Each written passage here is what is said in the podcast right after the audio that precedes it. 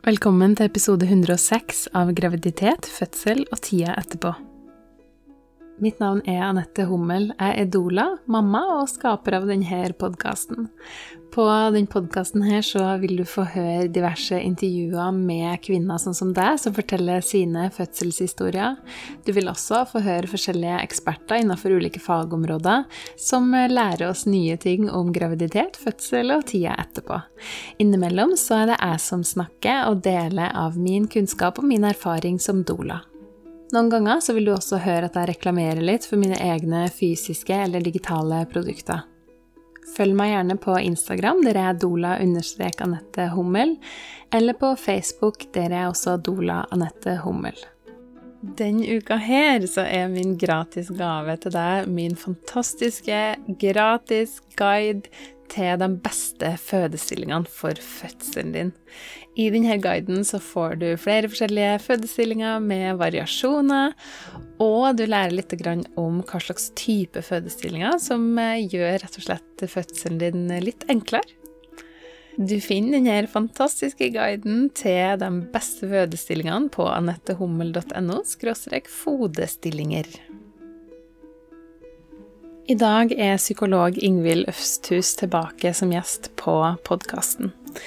Og vi skal snakke om fødselstrauma og traumatiske fødselsopplevelser. Vi snakker om hva det er som kan gjøre en fødsel traumatisk, hvilke symptomer du kan oppleve hvis du har hatt en traumatisk opplevelse, og ikke minst hva du kan gjøre etterpå hvis du kjenner på at fødselen din var traumatisk for deg. Hjertelig velkommen tilbake hit, Ingvild. Tusen takk. Vi sa akkurat at eh, Eller du sa akkurat at det er sånn to år siden sist. Ja, jeg måtte jo tenke tilbake, og jeg, det, ja, det må ha vært noe sånt, for jeg tror jeg var helt på, på tampen av permisjonen min etter tredjemann. Hvis ja. jeg husker riktig, så snakka vi om det her med å være gravid, eh, og ja, alle psykologiske reaksjonene vi kan kjenne på da. Ja, og det var veldig fint, husker jeg, for det, altså det er det er så mye forskjellig man kan føle på når man er gravid. Det er ikke bare liksom den her Du snakka litt om det her med sånn eh, lykkelig gravid i blomsterengbilder og sånn. ja, i blondekjole gjerne. Ja, ja. Mm. det er ikke bestandig man føler seg sånn. Nei, det kan veksle, absolutt. Ja, ja. Mm, være mer sammensatt enn det. Mm. Ja. Jeg husker ikke hvilket episodenummer det er, men en tidlig episode. Jeg skal skrive det i episodeteksten, så folk kan finne igjen den hvis de har lyst til å høre, høre den også, hvis man ikke har hørt den før. Mm. Um, vi skal snakke om noe annet i dag, men eh, først kan ikke du si litt om deg og din bakgrunn? Jo, jeg er jo psykolog, uh, og så har jeg jo tre barn. Uh, så det er litt sånn Har jo hatt en lang mammareise sjøl. Hun eldste er nå ni år. Mm. Og helt siden jeg var gravid med henne, så uh, har jeg kjent at uh, de psykologiske sidene knytta til det å være gravid, det å føde og det å ha en liten baby, det er så spennende og så viktig uh, og så meningsfullt for meg som psykolog, da. så siden da så har jeg jobba med det her på, på forskjellige måter. Mm. Um, så jeg har jo hatt mye samtaler, grupper, kurs for kvinner som møter på utfordringer. Og da ja, f.eks. fødselsangst eller å ha det krevende i spedbarnstida. Så jeg har jo um, driver med makurs.no, der jeg har kurs og medlemsportal. Mm. Og så um, har jeg nå uh, fått midler uh, til et forskningsprosjekt uh, som går på, på um, behandling av fødselsrelaterte traumesymptomer. Mm. så i tillegg så gjør jeg jo andre ting, holder kursforedrag for fagfolk og prøve å få litt mer bevissthet rundt um, alle tankene, følelsene, behovene uh, som kan uh, melde seg da, i denne tida i livet. For det er jo mye fokus på uh, babyen som vokser i magen, og babyen som er født. Og, og um, jeg er veldig opptatt av mammaen i det her, da. Mm. og, og på innsida av henne. Eh, hvordan har vi det når vi er gravid? Hvordan har vi det psykologisk eh, når vi føder, og i tida etterpå? Det, det, mener jeg er så viktig at vi må ha med det også, da. Absolutt, det er kjempeviktig. Og jeg må bare si jeg syns det er så spennende at du har fått midler til det forskningsprosjektet ditt. Ja, det er det. Jeg er så spent. Når, altså, hva er på en måte tidslinja her? Når får vi høre noen resultater? Og, og det er jo det som er med forskning, at eh, det tar jo tid. Ja. Eh, så foreløpig er jeg jo helt i planlegginga. Dette er jo noe jeg har jobba med i flere år, um, Mm. med å få midler, til det. Eh, så det er jo et prosjekt som, um, som jeg har ja, jobba mye med sjøl, fått med mange dyktige andre fagfolk som skal hjelpe meg med det. da. Så jeg har fått Mm. midler fra det som heter Stiftelsen DAM, og i samarbeid med eh, Sanitetskvinnene. Um, fordi det her er jo kvinnehelse. Mm. Og eh, det jeg skal gjøre, da, eh, er jo å eh, utvikle et digitalt behandlingsprogram for kvinner med eh, fødselsrelaterte traumesymptomer. Som jeg kan si litt mer om etterpå, da. Mm. eh, hva, det er. Eh, men så skal vi prøve det ut da, på eh, forhåpentligvis fire fødeavdelinger i landet for å sjekke sant, har det effekt. Eh, klarer kvinnene å ta det i bruk? Hva opp, ja. Og i den utviklingsprosessen så er det viktig for meg å ha med, ha med kvinner som har eh, opplevd da, fødselstraumer Mm. eh, i utviklinga av det her. Så det gleder jeg meg veldig til. Det å ja, gjøre intervjuer, kartlegge behov, teste ut, eh, sånn at ikke det bare er noe jeg skal sitte på et kontor og lage, og så skal det liksom ut i verden, da. Eh, det, vi skal ja, gjøre det sammen. Mm. Ja, hele det er så veien. bra. Ja, så det er kjempekult å ha fått midler til det. Og så Mm. um, Du spør om tidslinja. Jeg, jeg begynner jo ikke sånn eh, ordentlig før eh, om, ja, til våren. Jeg har begynt planlegginga nå, da. Mm. Det her skjer jo eh, på, på NTNU og St. Olavs eh, og ja, de øvrige fødeavdelingene. Eh, ja, og så vil det jo ta noen år da, for å gjøre det her. Så da vil jeg gjerne komme tilbake i podkasten. Veldig gjerne. ja. ja. Veldig gjerne. Jeg tror jo at podkasten kommer til å bestå i evig tid. Så om sant, det tar liksom du- fem år, så kan du bare komme tilbake. Bare book meg inn du om fem år, så kommer jeg og presenterer resultatene. Fantastisk.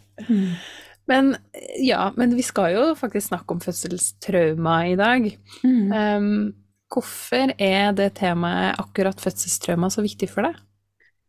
Um, det er jo det er flere grunner til det. Um, jeg har jo i de her årene jeg har jobba med svangerskap, fødsel, spedbarnstid, så har jeg jo møtt mange kvinner med negative fødselsopplevelser, traumatiske fødselsopplevelser, Uh, og har jo um, da vært, måtte, følt meg veldig heldig som har fått lov å, å um, være til støtte og hjelp. Mm. Um, eh, fordi det, det, det trenger man ofte eh, hvis man sitter igjen med, med traumesymptomer etter fødsel. Um, så det har vært veldig meningsfullt, og, Mm. og det å se at det er ikke så mye eh, alltid så mye som skal til for at vi kan få det bedre. Men så er jeg også opptatt av det fordi at jeg, jeg, jeg syns at det er en generell eh, hva man skal si, bagatellisering av den, Mm. De ettervirkningene man kan ha eh, etter fødsel. Eh, noen bruker ordet sant, psykisk fødselsskade, eh, og det tenker jeg med rette. Man snakker jo om andre typer fødselsskader, Mm. sant, underlivsrift og den typen ting. Men det er faktisk sånn at en del kvinner, og for så vidt også partnere, eh, kan sitte igjen med en, en psykisk fødselsskade. Eh, og det er det ikke nødvendigvis så mye bevissthet om blant folk flest, og heller ikke blant helsepersonell som er i kontakt med kvinner og partnere i denne tida. Mm. Så det er jo Jeg engasjeres så veldig av å prøve å sette fokus på noe som, som er litt um, um, Ja, det blir litt bagatellisert, da. Kanskje man kan bli møtt med litt sånn jo, jo, men nå, nå har du nå fått et barn, nå må du tenke positivt, eller nå må du Mm. du ser på babyen din og ikke, ikke tenk så mye på fødselen nå.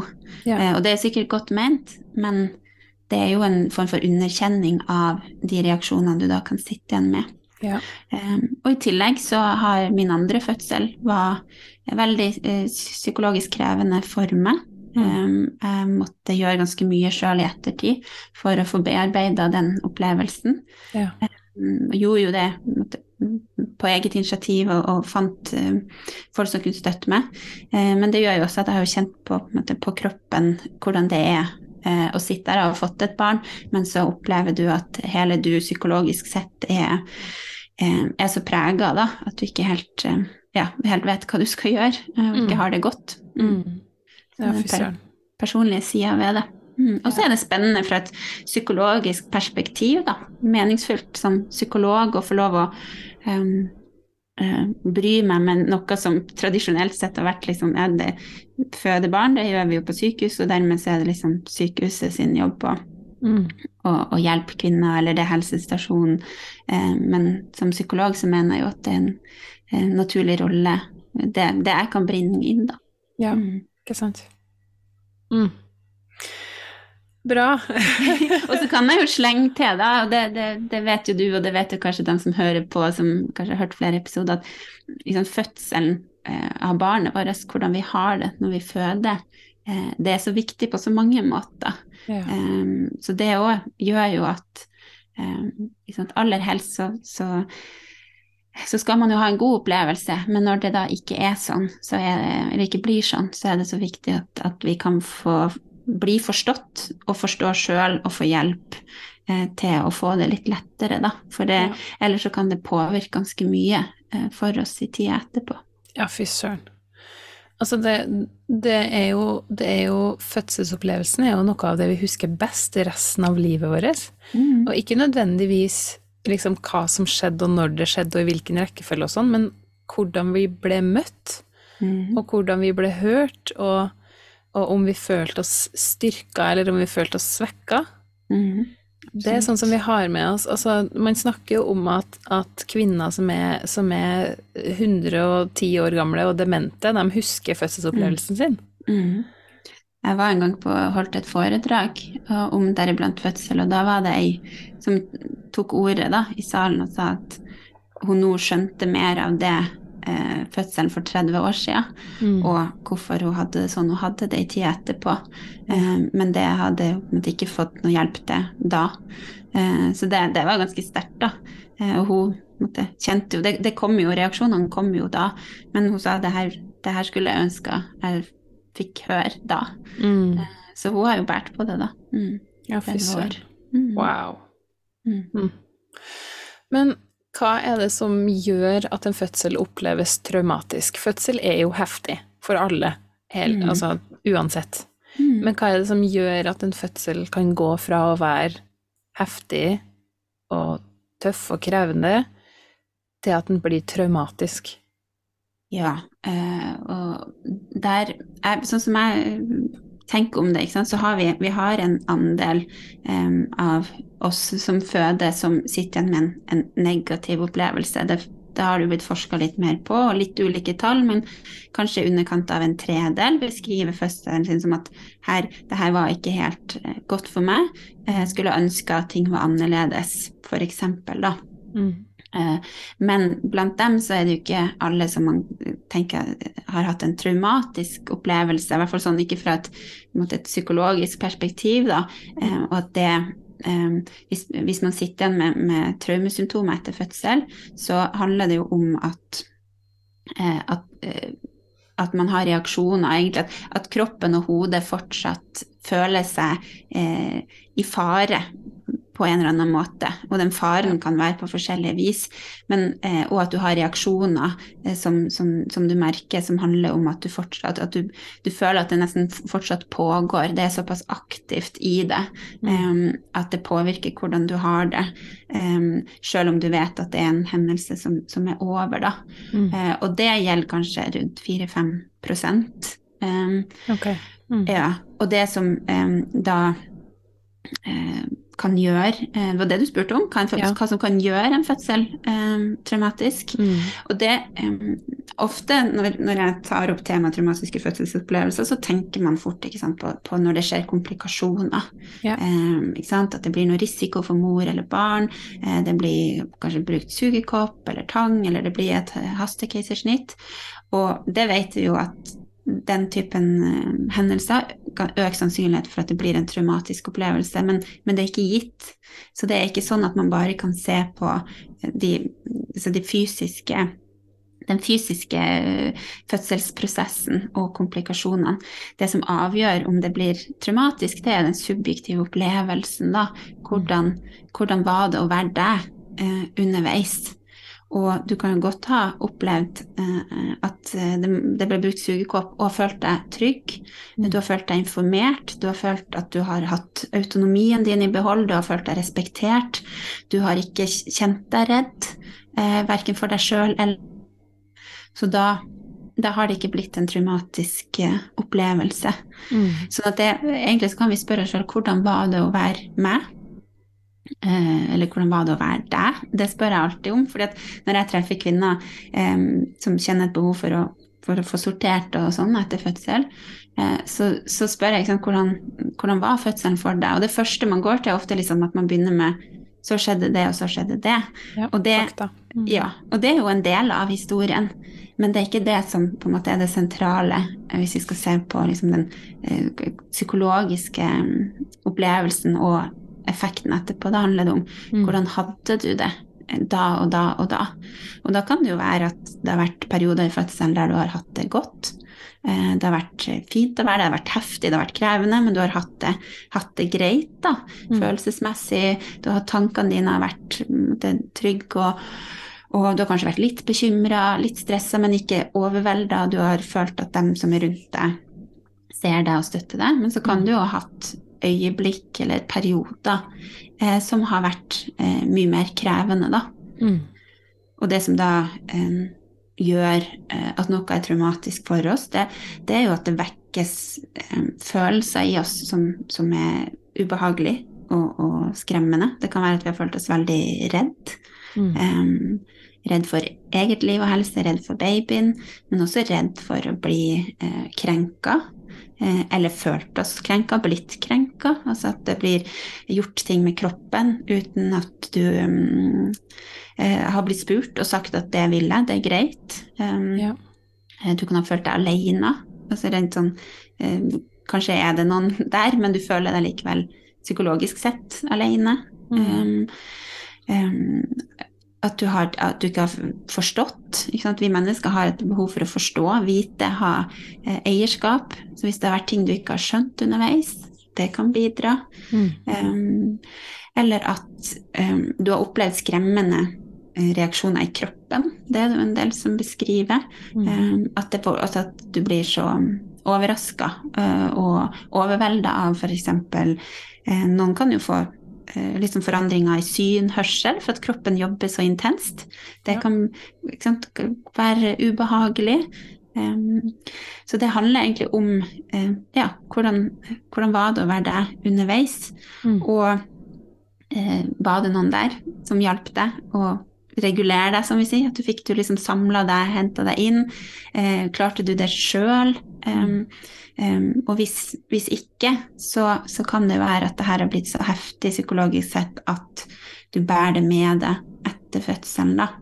Um, og det er vanlig å ha, um, å ha en del reaksjoner i tida etter fødsel, fordi hodet, kroppen, trenger å liksom la ting gå, bearbeide, la det leve, da.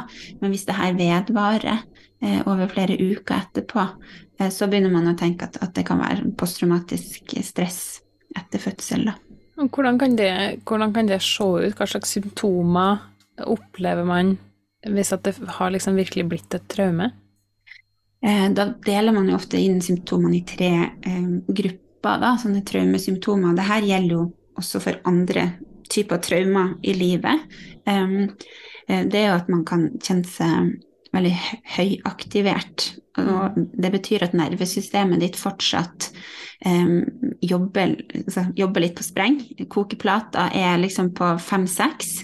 Um, fordi at kroppen og hodet um, fortsatt driver og, og, og er, i, er, i, det som var skremmende eller krenkende, da. Mm. Så, og, og vi kan merke det med at vi kjenner en uro, anspenthet. Eh, at vi har veldig kort lunte. Vi er litt sånn okkupert, da. Glasset er mm. litt sånn fylt opp.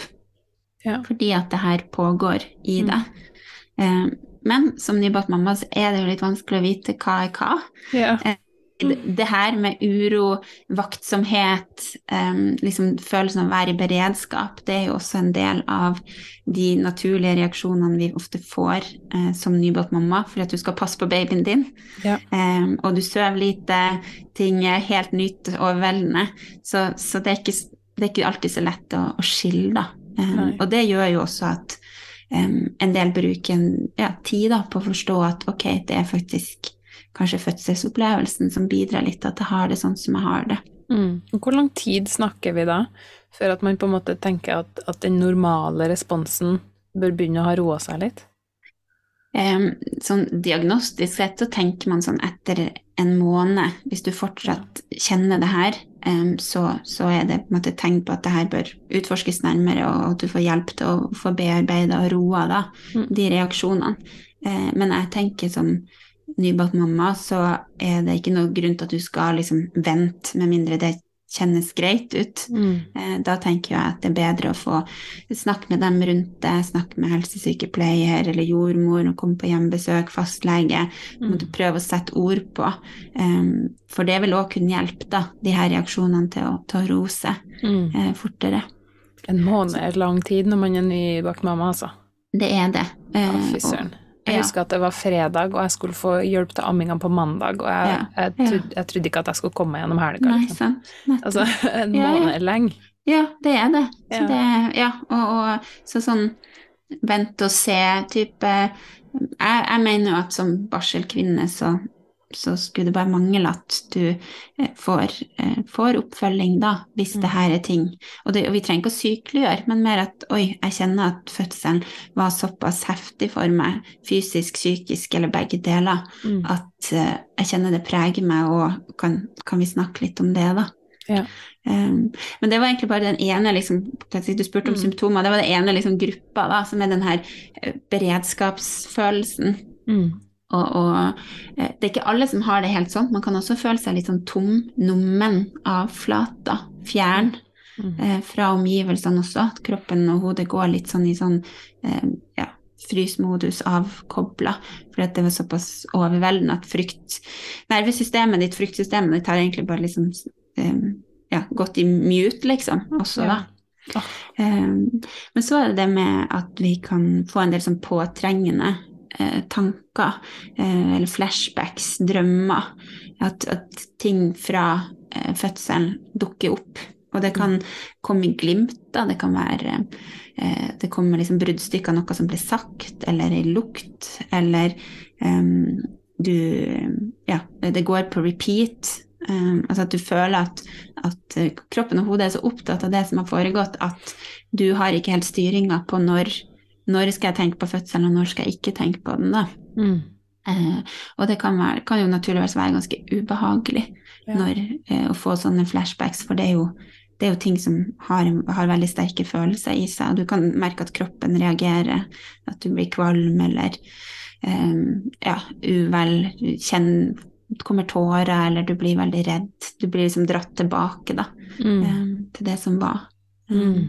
Og den siste gruppa av liksom, symptomer er det her med at vi naturlig nok da, får et sterkt behov for å uh, unn, unnvike, unngå uh, ting som minner oss om, om fødselen. Ja. Um, det kan være at det er vanskelig å se på bilder uh, fra, fra, fødselen. Um, Kanskje skal du på noen oppfølging på sykehuset etterpå. Du kjenner bare at det tanken på å skulle dra tilbake på sykehuset er kjempe, kjempe ubehagelig. Eh, hvis du hører om fødsel på nyhetene, eller eh, venninne eh, snart skal føde, så, så, trigger det et veldig ubehag, og du, du kjenner at du blir såpass overvelda at det er vanskelig for deg å forholde deg til det. Mm. Um, ja, så det er litt sånn de tre gruppene med symptomer, så kan man ha måte, mye og mindre og ja, sin, på en måte sin egen eh, sammensetning, da, for å si det sånn. Ja, mm. ikke sant. Men det er jo egentlig egentlig så er det veldig fint å vite at liksom hvis at, hvis at man, man, har født relativt nylig, og eh, man merker at vet du hva, det er ikke trygt for meg å gå på matbutikken fordi at jeg kan begynne å grine mens jeg står i kø, eh, så er det litt sånn fint å vite at vet du hva, det er ikke normalt. Mm. Eh, du har det vanskelig nå, og du trenger hjelp. Ja, for jeg, jeg er jo veldig opptatt av um, at vi må skille mellom normalisering og bagatellisering.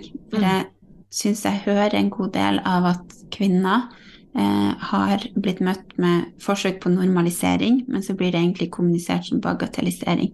Ja. Så selv om noe er normalt Mm. og vanlig og forståelig, så betyr det ikke at vi ikke skal ta det på alvor eller eh, få hjelp, da. Ja. Um, fordi um? Hvis, hvis man da forteller til noen at vet du, jeg klarer ikke å slutte å tenke på det som skjedde under fødselen da, så kan man jo bli møtt med liksom at jo, jo, men det er helt, helt naturlig at, at em, ting fra fødselen er med deg. Um, så er jo det et forskjell på, forsøk på å en måte si at det her er greit, det, eh, at du har det sånn, men uh, man må passe på at man ikke samtidig kommuniserer at og dermed så må du på en måte ikke Du trenger ikke å snakke med, deg, med noen om det her. Du må eh, forte deg å bli ferdig med det her. Mm. Eller det er noe eh, Ja, nå, nå har det gått så lang tid. Nå må du komme over det. Altså sånn type. Ja. eh, for det gjør vi eh, Det gjør vi ofte. Det er noe med fødsel eh, at folk rundt har et sånt behov da, for at eh, det her skal at, Ja, nå er det over. Ikke sant? En mormor, for eksempel. Ikke sant? Jo, jo, men nå er vi ferdig med det her. Eller eh, man har så, mange har så behov for ikke? Å, se på den fine babyen. Eh, altså man, man vil så gjerne sant? fremheve det fine, og det, Mm. det skal vi jo. Jeg er jo ikke der at jeg tenker vi skal grave oss ned og, og, og bare liksom problematisere og se på det som er vanskelig, men det gjør at vi kan føle oss ganske alene hvis vi da sitter igjen og sier at jo, men jeg, ja, jeg er glad for å ha fått en baby, men jeg kjenner også en veldig sorg over at fødselen ikke, ikke ble sånn som jeg hadde ønska. Ja. For. For, en ting er traumereaksjonene, litt det vi snakka om i stad, men så kan man jo òg ha mange, uh, mange andre typer reaksjoner i ettertid òg, som går mer på? Eh, det å, å um, kjenne at ja, f.eks. sorg da, over at Mm. fødselen ble uh, Man kan kjenne bitterhet. Uh, det var ikke sånn her det skulle bli. Eh, Ja. eller man kan kjenne seg sint hvis man har blitt utsatt for Mm. eh, en krenkelse da, under fødselen. Um, man kan um, bli misunnelig, sjalu på andre. Mm. Som kanskje forteller om sine gode fødselsopplevelser. Så det kan påvirke det, hvordan vi føler og tenker om oss sjøl. Mm. Uh, Det kan påvirke hvordan det er å være uh, sosial. Jeg husker sjøl etter min andre fødsel, og det var jo sjøl om jeg hadde hatt en veldig veldig god første fødselsopplevelse, og så eh, nummer to der det ble et eh, akutt keisersnitt og ikke sånn som jeg ville. Eh, og det å møte barselgruppa mi og høre ikke sant, dem Mm. snakke om fødslene sine, kjempevondt. At, og så blir vi ofte fort sjølkritisk fordi åh, men jeg må jo klare å unne dem det. Og nå er jeg slem som, som er sjalu, eksempel. Ja. Eh, men det er helt naturlig at Mm. vi blir det, for du har, du har mista noe som du gjerne skulle ønske at du hadde, da. Eller fikk. Ja. ja, virkelig. Mm. Ja. Det, det, er fint. Altså, det, det er lov til å ha de følelsene. Mm. Mm. Det gjelder alltid, det. Det er liksom sånn mantra. Ja, Det er alltid, alltid lov, men det betyr ikke at vi skal bare, eh, bare være i dem. Altså sånn, vi skal akseptere det, men så kan vi se er det noe som kan gjøre det lettere Mm. å være, være det, da. Mm. Ja. Så det å få bearbeida eh, opplevelsen er jo viktig. Det å først utforske og forstå. Eh, det er ofte min først, mitt første steg da, sammen med kvinner. Å utforske. Ikke sant? Ok, du har det sånn nå. Hva- Ja, utforsk hvordan var det å være der under fødselen. Hva, hva, hva var de viktige eh, øyeblikkene som du sitter igjen med nå? Hva tenker du om deg sjøl nå i ettertid? Mm. Ja, Få sortert, og, og så kan vi begynne å utfordre det. Mm. Ja. ja, ikke sant. Mm. Og en sånn, et sånt element ved det, kanskje, som, som jeg leste litt om noe nå nylig, faktisk, som jeg ikke har tenkt så veldig på sånn bevisst før. Ubevisst har jeg det, men ikke bevisst. Eh, det er det her med, med spørsmålet hva tenker andre om meg nå? Etter en viss type fødselsopplevelse, eller at noe har skjedd. Hva, Ja. hva sier det om min sosiale posisjon, eller um, at, det, at det også kan være et spørsmål man stiller seg. Ja. Uh, at man kanskje mister litt At man føler sjøl at man mister litt posisjon, eller mister litt um, sosial status. Ved at f.eks. hvis man er uh, Hvis man er ja, veldig glad i det naturlige og eh, har en sånn, altså en sånn type vennekrets da, som er litt sånn eh, ullsokker og eterisk olje, skal jeg si, og så blir det keisersnitt. Mm. Ikke sant? Hva gjør Mm. det med min sosiale Mm. status når på en måte normen i min vennekrets er hjemmefødsel? Mm. Ikke sant? Den òg kan Mm. være skikkelig tøff, altså. Mm. Ja, og mange kan jo kjempe mye skam eh, Mm. over fødselsopplevelsen sin. Eh, jeg treffer jo mange som um, jeg, si, jeg har ikke noe norsk ord for det, men litt sånn victim blaming. Altså at du um, opplever at du sjøl får litt sånn skylda, eh, eller at du tar, gir deg sjøl skylda. Jeg var ikke god, god nok fødekvinne, jeg var ikke flink nok. Ja. Um, at vi kritiserer oss sjøl for uh, Å, jeg hadde jo forberedt meg så godt, og likevel så klarte jeg ikke å takle smertene. Mm. Uh, og jeg måte, ja, feig eller svak Ja. eller ja, mye sånt da, Mm. uh, som foregår i oss. Um, absolutt. Og, og at det er jo Altså, det, det er noe med fødsel som um, Og for så vidt det å ha baby òg. Det er et sånt tema som veldig mange har liksom lav terskel for å dele sine synspunkter om, da. ja. Eh, så man kan føle seg litt som som fritt vilt eh, for folk rundt, eh, familie, venner. Um, og, og det kan føles sårt da, å ikke bli helt forstått Mm. og møtt sånn som, man, sånn som man trenger. da. Eksempel, jo, men du må nå være glad for at du fødte i Norge. Tenk hvis du hadde født altså, prikk, prikk, prikk, et eller annet Ja. annet sted i verden som ikke har den oppfølginga man har, da. Ja. Eh, Så ja, så det er sant, det du beskriver med at man mister eh, sosial status eller endrer måten man ser på seg sjøl og det, ja, det gjør jo Det kan gjøre det, fordi at fødsel er en så, en så Mm. stor livsopplevelse, da. Mm. Mm. ja. Men så, etter en traumatisk opplevelse, Mm. hva, hva nå, liksom? Har du noen tips til, til hva man kan gjøre hvis man sitter og kjenner på at vet du hva, den, den fødselsopplevelsen der, var, det, det var ikke Mm. bra? Mm. Ja, eh, det, det jeg tenker, ikke sant, når du får det signalet fra deg sjøl, så da, da er det å tenke hvem, hvem kan jeg dele det her med? Mm. Og, og det Kanskje må man prøve flere, holdt jeg på å si. Kanskje er partner en god, eh, hvis man er i et parforhold, en god person å starte med. Og bare si at jeg kjenner behov for å, å snakke. Eh, snakke om det her, finne ut av eh, hva var det som ikke var greit for meg. Mm. Eh, eh, men det er ikke sikkert at kanskje partner helt eh, ja, klare å ta imot. Det kan jo være at eh, han eller hun sjøl sitter igjen med reaksjoner. For det må jeg bare si at, at det er også sånn som, som Mm. eh, pappa eller medmamma, så kan du også være prega av, av fødselsopplevelsen og også få de samme eh, reaksjonene i ettertid. Hvis Ja. du f.eks. har kjent deg kjempe, kjemperedd eh, Mm. for, for eh, partneren din eller for babyen din. Ja. Eh, så, men det er ikke, ja, så det er ikke sikkert at partner kanskje er den som, som du får på en måte um, starta en sånn bearbeidingsprosess med. Men partner kan også oppleve å ha de symptomene, altså å, å ha opplevd en fødsel traumatisk uten at den som født har opplevd det. Ja, ja, Mm. ja bra poengtering òg, fordi igjen tilbake til det er den subjektive opplevelsen. Mm. Eh, så det er på en måte ingen eh, Sånn som jeg tenker om det, så er det liksom ingen som har på en måte eierskap eller fasiten. Fordi som partner da, så har du kanskje eh, ja, ting du har fortolka, ting du har sett påvirke deg, Mm. selv om da fødekvinner har sittet igjen med at ja, men det her var jo greit. Ja. Um, det samme er at man kan jo ofte få beskjed eh, at nei, men det her var en medisinsk eh, normal fødsel, eh, ukomplisert. Mm. Eh, fødsel står det jo ofte, eh, og det kan jo føles som en sånn eh, hva skal jeg si, undergraving av eh, de følelsene, reaksjonene man sitter igjen med sjøl. Mm. Men, men da, da må man huske på at det er fra et medisinsk perspektiv. Um, som måtte operere med en annen eh, forståelse, og det, og det skal det jo være. altså Fra et medisinsk ståsted så er det noe annet enn fra et psykologisk ståsted. da, Så det betyr ikke at man ikke har lov um, til å sitte igjen med de følelsene og reaksjonene som, som man har, da. Mm, det er fint at du sier mm. Ja, så egentlig det er jo liksom, tips til hva gjør man. Første steg er jo er å ta seg selv på alvor, da.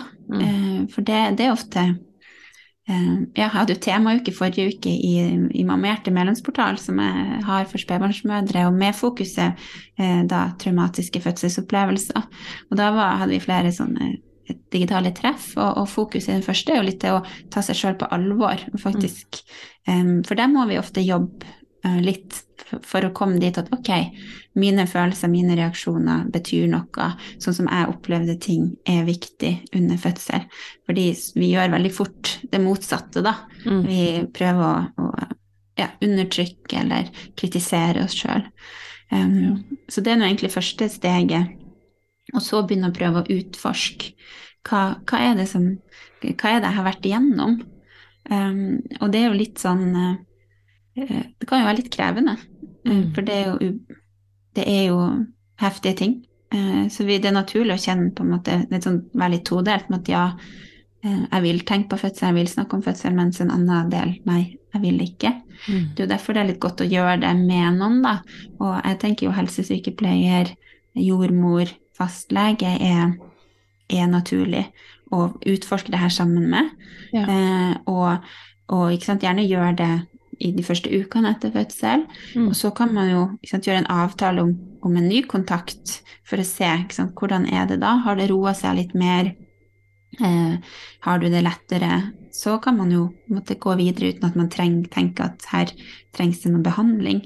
Mm. Men hvis du fortsatt kjenner på liksom de her traumesymptomene med, med at du er høyaktivert i beredskap, påtrengende minner, tanker, eh, ja, mange ting som trigger deg og gir deg sterke reaksjoner knytta til fødsel, så er det jo et tegn på at, at eh, man bør vurdere om, om traumebehandling eh, Mm. hadde vært viktig. Da. Da jobber man litt sånn målretta med, um, med de her symptomene um, for å liksom reetablere en følelse av trygghet. Man kan ja, uh, oppsøke ting som minner om fødselen, slippe til reaksjonene, bearbeide dem, Mm. den biten der. Um, og I tillegg så anbefaler jeg ofte at man eh, ja, ber om utskrift fra journal, tar kontakt med sykehuset. Det kan ofte være mye hjelp i det å f- spørre om ting hvis det er ting som er uklart. Uh, få en forklaring på det kan ofte være til hjelp. Um, det å ja, hvis, det føles greit, da hent frem bildet, hent frem den første babybodyen, eh, slipp til de reaksjonene som kommer, sånn at det får liksom jobba seg gjennom, eh, gjennom systemet, da. Mm. Eh, det kan ofte, ofte være viktig, da. Og det å tenke eh, generelt ekstra ivaretagelse. Eh, for jeg, nå har vi snakket om fødsel, da, men det er jo også tenker jeg, bars. Jeg, når jeg sier fødselsopplevelse, tenker jeg også de første timene, dagene etter Mm. eh, at babyen er født.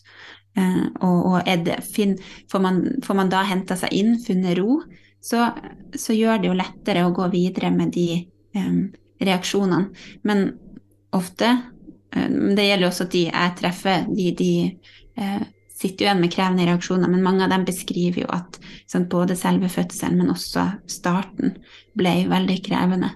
Det kan jo være at man har plager, smerter i egen kropp. Det kan være at babyen em, At det har vært noen komplikasjoner, så babyen må kanskje undersøkes om man ikke har vært sammen de første timene. Mm. Em, det kan være lite søvn, urolig baby, alt det her som gjør at man fortsetter, eh, fortsetter å være i en sånn veldig beredskapstilstand, da. Ja. Så man får ikke fred oppsi, i Mm. kroppen. Mm. Mm. Så generell ivaretagelse er jo viktig. em, men da må jo de folk rundt oss skjønne, for vi kan ikke gjøre alt det her sjøl som nybakt mamma. Vi, vi trenger at andre på en måte eh, hjelper oss og, og pakker oss inn og støtter, og at man får uh, henta seg litt mer inn, da. Mm. Uh, hvis det går. Mm, få god hjelp til amminga, sånn at ikke det blir en ny uh, ting som gir masse stress, da. Ja. Mm. Søvn, mat, de her basic tingene. Mm. Lurt. Mm. Fint. Um, hva, med, hva med forberedelse før fødsel? Er det ting man kan gjøre for å forebygge traumatiske opplevelser, sjøl om man Altså, uten å si at det er uh, din egen feil at du opplever en traumatisk fødsel, for det er det jo Mm. på ingen måte. Nei? Men er det noe man kan gjøre for å minske sjansen? Jeg tenker jo at, at det å, å forberede seg godt, eh, sånn generell fødselsforberedelse på, en, på den måten som føles riktig for en sjøl, det å lære om eh, hva er en fødsel, hva skjer i, i kroppen, eh, det å ha øvd på strategier for å beholde ro. Sant? Jeg er jo veldig glad i, i hypnobirthing, det å jobbe eh, mentalt. eh, sånn at man har de verktøyene da, i tillegg til sant, å, forberede seg med en fødepartner, med massasje, pust, eh, gode aktive fødestillinger, alle de her tingene eh, Mm. som du sikkert har vært innom i, i podkasten tidligere, det er jo verktøy som eh, kan hjelpe oss under fødsel. Mm. Eh, sånn at hvis vi eh, f.eks. da kjenner oss eh, at nå blir jeg redd, nå blir jeg stressa, så ved å ha forberedt seg godt, så har du flere ting å hjelpe deg med for å hente deg inn igjen, da. Eh, sånn at du ikke blir overvelda og får panikk underveis. Um, um, det å um, å, vite, ikke sant, å kjenne kroppen din, ha god kontakt med kroppen din, eh, vil jo være viktig for at du kan jobbe godt med kroppen din eh, Mm. underveis. Eh, det å ha god kommunikasjon med partner. Vi, vi, vi kan jo takle ganske mye så lenge vi føler oss eh, sett og møtt og, og trygga, da. Eh, Mm. Så hvis eh, partner kan gjøre, bidra med det, så er jo det kjempefint. Eh, hvis man forbereder seg gjennom fødebrev og har tydelig oppfatning av eh, hva, hva jeg tror jeg trenger og vil, eh, så vil jo det kunne være noe som, som man tar med inn i fødsel og, og eh, ja, legger til rette i større grad for at man får den omsorgen som, som man ønsker, da. Ja. Eh, Så alt det her er jo faktorer som spiller inn, eh, men, ja, men det er ikke dermed sagt, som du sier, at alt ansvaret ligger, ligger på deg. Eh, Og, ja, og, og det å være Hva skal jeg si? Hvordan skal jeg si det uten å høres flåsete ut? Være, være grei med seg sjøl, være raus med seg sjøl, er jo en viktig bit i det her, i det at fødsel Vi vet jo ikke hvordan den blir, og det at vi ikke skal legge ekstra eh, Skal jeg si Være strenge med oss sjøl, i, i, i vårt eget eh, I det, da. At å, jeg skulle, jeg burde, jeg måtte Ja, sånn type tenkning om seg sjøl, det Ja, da er vi, da er vi ikke så rause med oss sjøl, da. Nei. Mm. Og så er det jo, det sa jeg ikke i stad, men liksom i den prosessen etterpå, det er en del av utforskninga handler jo om å, å sortere, da. Hva eh, Plassere ansvar der det hører hjemme. Eh, forstå sammenhenger. Eh, det er ofte eh, viktig, for ikke sant, kanskje eh, For å ta et eksempel, da, hvis man ble kjempe, kjemperedd for at det ble, eh, det ble et akutt keisersnitt, Mm. så er det kanskje en frykt som, som man ikke Som nest, altså er litt uunngåelig. Mm. Eh, men eh, Så det kan man jo forstå, samtidig som det er noe med, med graden. Man kan jo også si at ok, det hadde vært bedre for meg hvis noen hadde hatt mulighet til å forklart meg hva som foregikk, og Ja. at de hadde snakka til meg underveis i keisersnittet. Mm. Det har man lov til å ønske seg, og, og kjenne at det hadde gjort det lettere å være med. Um, men så kan man også forstå at ok, de hadde ikke eh, personell til det. Eh, det måtte gå så fort. Eh, forstå liksom hvorfor ting ble som det ble, men man trenger ikke å, å akseptere det på den måten at man eh, på en måte eh, legger det på seg sjøl. At du kan si at det, det hadde vært bedre. Og jeg, jeg nå sitter jeg med en sterk fryktreaksjon fordi at jeg ble så redd underveis, og ingen hjalp meg til å finne mer roa, da. Mm. Så det, ja, bare forklare litt når jeg sier utforskning, for for meg så gir det jo veldig mening, men, men eh, det, det er litt det som er utforskningsarbeidet også, da. Mm. Ja, ikke sant. Mm. Kjempefint. Mm. Har du noen eh, ressurser som du har lyst til å dele med dem som hører på? Eh, ja, det her er jo en det er jo en podkast, og for dem som har hørt på helt til nå, det må jo bety at de ja, syns det er en ok måte å få litt input på. Um, jeg har jo min egen podkast som heter Mamma hjerte med psykolog Ingvild. Mm. Der har jeg i hvert fall per nå en um, episode som går på det med traumatiske fødselsopplevelser. Jeg har også to episoder som går på det med fødselsangst, for det, det kan jo være aktuelt hvis man um, skal, skal, føde igjen etter en mm. traumatisk fødselsopplevelse. Um, så vet jeg jo uh, Foreldrerådet har flere podkaster litt er innom tematikken, så det mm. uh, er jo ressurser. Uh, og du har vel sikkert flere episoder også som kan være fin å høre på. Um, Absolutt.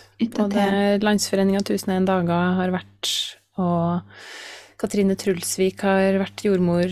Katrine Trulsvik har vært og snakka om hvordan du kan klage hvis du har blitt dårlig behandla mm. i fødsel. Det er jo relatert. Um, ja. Og flere Også en episode om fødselsangst. Jeg kan nevne dem i episodeteksten, ja, sånn at folk nettopp. kan gå inn og mm. finne dem. Mm. Og så har jeg jo Jeg nevnte jo Mammahjertet. Det er jo en medlemsportal jeg har for å være her for um, mødre som opplever utfordringer i spedbarnstida, og der er en, en stor del eh, også via til det med hvordan støtte seg sjøl etter en eh, traumatisk eh, fødsel. Mm. Eh, for det, det som Sånn som det av og til blir, hvis man ikke helt forstår, ikke eh, helt får bearbeida og, og få støtte fra andre og støtte seg sjøl etter en sånn opplevelse, så kan vi merke at, at det gjør oss mer sårbare for angst. Eh, altså generelt, man kan oppleve å få panikkangst, man kan opplever ikke sant, denne høyaktiveringa gjør at hodet går litt løpsk, og man blir veldig stressa og bekymra for veldig mange ting. Mm. Eh, det kan man få uavhengig av fødselsopplevelsen, da, men, men det, det, er jo ikke så rart hvis du ja, kokeplata er så på maks, og du bruker så mye krefter, mentale krefter på å gå med eh, fødselsopplevelsen i det, så mm. gjør det oss mer sårbar for det, for å bli utslitt, nedstemt, vansker med å sove, kjenne på sånn uro.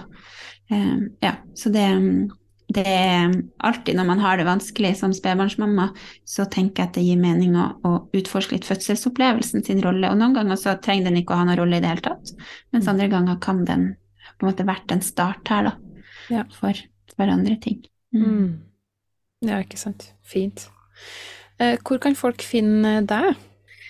Ja, jeg er jo på Instagram. Der mm. deler jeg jo litt sånn tips og, og, og sånn på, med kontoen min psykolog Ingvild. Um, og så finner de meg på mammakurs.no. Der har jeg da medlemsportalen og også andre kurs. Og så finner man meg også på klinikkpartum.no, for um, der tilbyr jeg samtaler uh, til kvinner og, og, par. Og så har jeg også uh, nå fått Eh, flere andre psykologer eh, med meg som eh, jobber digitalt med fra, precis, sånn at man kan treffe kvinner uavhengig av hvor man bor, da. Men det er mm. psykologer med som særlig bryr seg om eh, svangerskap, fødsel og spedbarnstid. Mm. Det er så bra, det. ja, det er kjempe Og det er så, det er jo så viktig. Og ja, mm. det fins altså man trenger forskjellige ting, og det fins um, en del god hjelp man kan få andre steder. Jeg har jo nevnt jordmor, helsesykepleier, fastlege, sykehuset. Men så finnes det mye annen hjelp og støtte òg som kan være viktig og riktig. Mm. Mm. Ja, kjempefint. Tusen hjertelig takk for, eh, for, alt du deler, Ingvild. Tusen takk for at jeg fikk komme. Det var veldig hyggelig.